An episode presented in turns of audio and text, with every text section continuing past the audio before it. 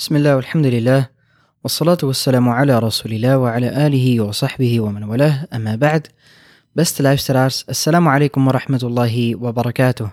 Welkom bij de Ramadan Adviezen, dag 24. Vandaag gaan we verder met Zakatul Fitr.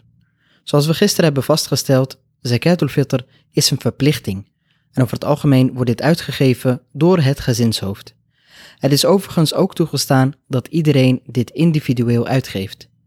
Maar aan wie dienen wij zakatul fitr te geven? Dit dienen wij te geven aan de behoeftigen en de armen. En dit mag vanaf twee dagen voor het einde van Ramadan. Dat houdt dus in op de 29ste dag en de 30ste dag. Maar aangezien de maand ook 29 dagen kan zijn, zeggen de geleerden dat het ook volstaat als men dit op de 28ste dag uitgeeft. En het beste is om dit uit te geven in de ochtend van Eid voor het Eidgebed. En hiermee wordt bedoeld dat de zakatul fitr voor het Eidgebed bij de behoeftigen moet zijn. Dus wie tijdens het Eidgebed nog even snel in het kistje van de moskee geld stopt, is waarschijnlijk te laat. Daarom is het ook verstandig dat degene die geld inzamelen voor de zakatul fitr tijdig stoppen met het inzamelen, zodat men niet de verkeerde indruk krijgt. En zoals ik gisteren heb verteld, de zakatul fitr is net als de fidya voedsel. De zakatul fitr is een specifieke ibadah, aanbidding, die in details is omschreven door de profeet sallallahu alayhi wasallam. En al die specifieke details zijn overgenomen door zijn metgezellen en zijn doorgegeven aan de volgende generaties. Nu is het probleem in Nederland dat veel mensen niet direct behoeftige mensen kennen.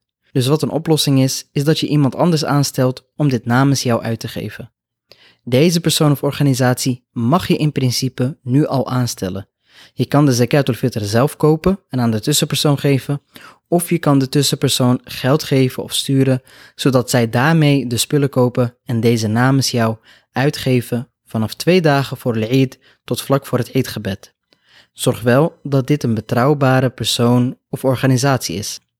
En een belangrijke vraag die vaak terugkomt is: mag je ook geld geven in plaats van voedsel? Het antwoord hierop is: je kan niet in plaats van zakatul fitr geld geven.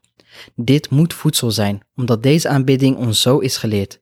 Want nogmaals, de profeet sallallahu alayhi wasallam heeft deze aanbieding heel specifiek omschreven.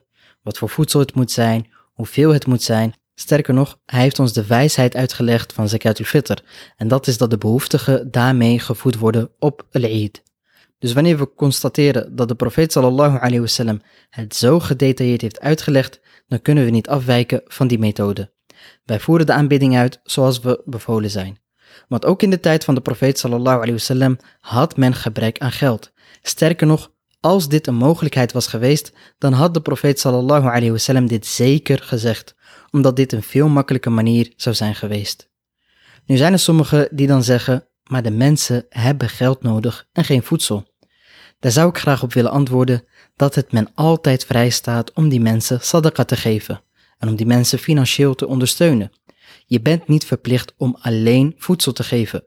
Je zou voedsel kunnen geven, dus de zakatul fitr, en dat kunnen aanvullen met sadaqa, om deze behoeftigen financieel te steunen.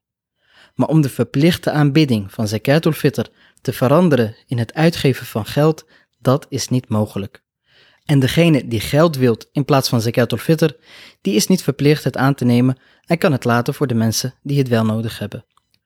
Je mag de fitr ook naar het buitenland sturen. Er zijn veel betrouwbare organisaties die heel actief zijn om dit te doen. Mogen Allah tabarak wa ta'ala hen alle belonen voor de inspanningen die zij leveren deze maand. Want dit maakt het makkelijker voor de mensen die niemand in de buurt kennen. Maar blijf wel kijken naar lokale acties, want er zijn voedselbanken die fitr verzamelen en er zijn ook moskeeën die dit vervolgens in Nederland uitgeven en dit heeft in principe de voorkeur. Zo helpen we eerst de mensen om ons heen en vervolgens anderen. Voor wie zelf voedsel wilt kopen en dit wilt uitgeven, houd er rekening mee dat je dus voedsel geeft dat kan dienen als maaltijd, zoals kikkererwten, linzen, meel en andere droge producten. En de hoeveelheid is een saar. En de saar is een meeteenheid waarmee in de tijd van de profeet sallallahu alayhi wasallam de inhoud werd gemeten. En daarom zien we dat sommigen zeggen dat het 2,5 kilo is en anderen zeggen 3 kilo.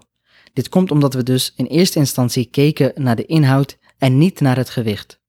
Een makkelijk voorbeeld, stel je hebt een liter fles en je vult die met zand. Dan zal die veel zwaarder zijn dan als je dit vult met water. In ieder geval, voor wat betreft zakatul fitr zit je veilig wanneer je 3 kilo uitgeeft. Want de sa' is in principe minder dan dat, maar het is in het voordeel van de behoeftige om wat meer te geven. Als je vervolgens daar nog wat extra dingen aan wilt toevoegen, zoals suiker, olie of koekjes, dan mag dat natuurlijk. Mocht Allah tabarak wa ta'ala onze vrijgevigheid accepteren deze maand en onze vast accepteren. Wa sallallahu wa sallam wa barak ala nabina Muhammad wa ala alihi wa sahbihi ajma'in. Bedankt voor het luisteren. Wassalamu alaikum wa rahmatullahi wa barakatuh.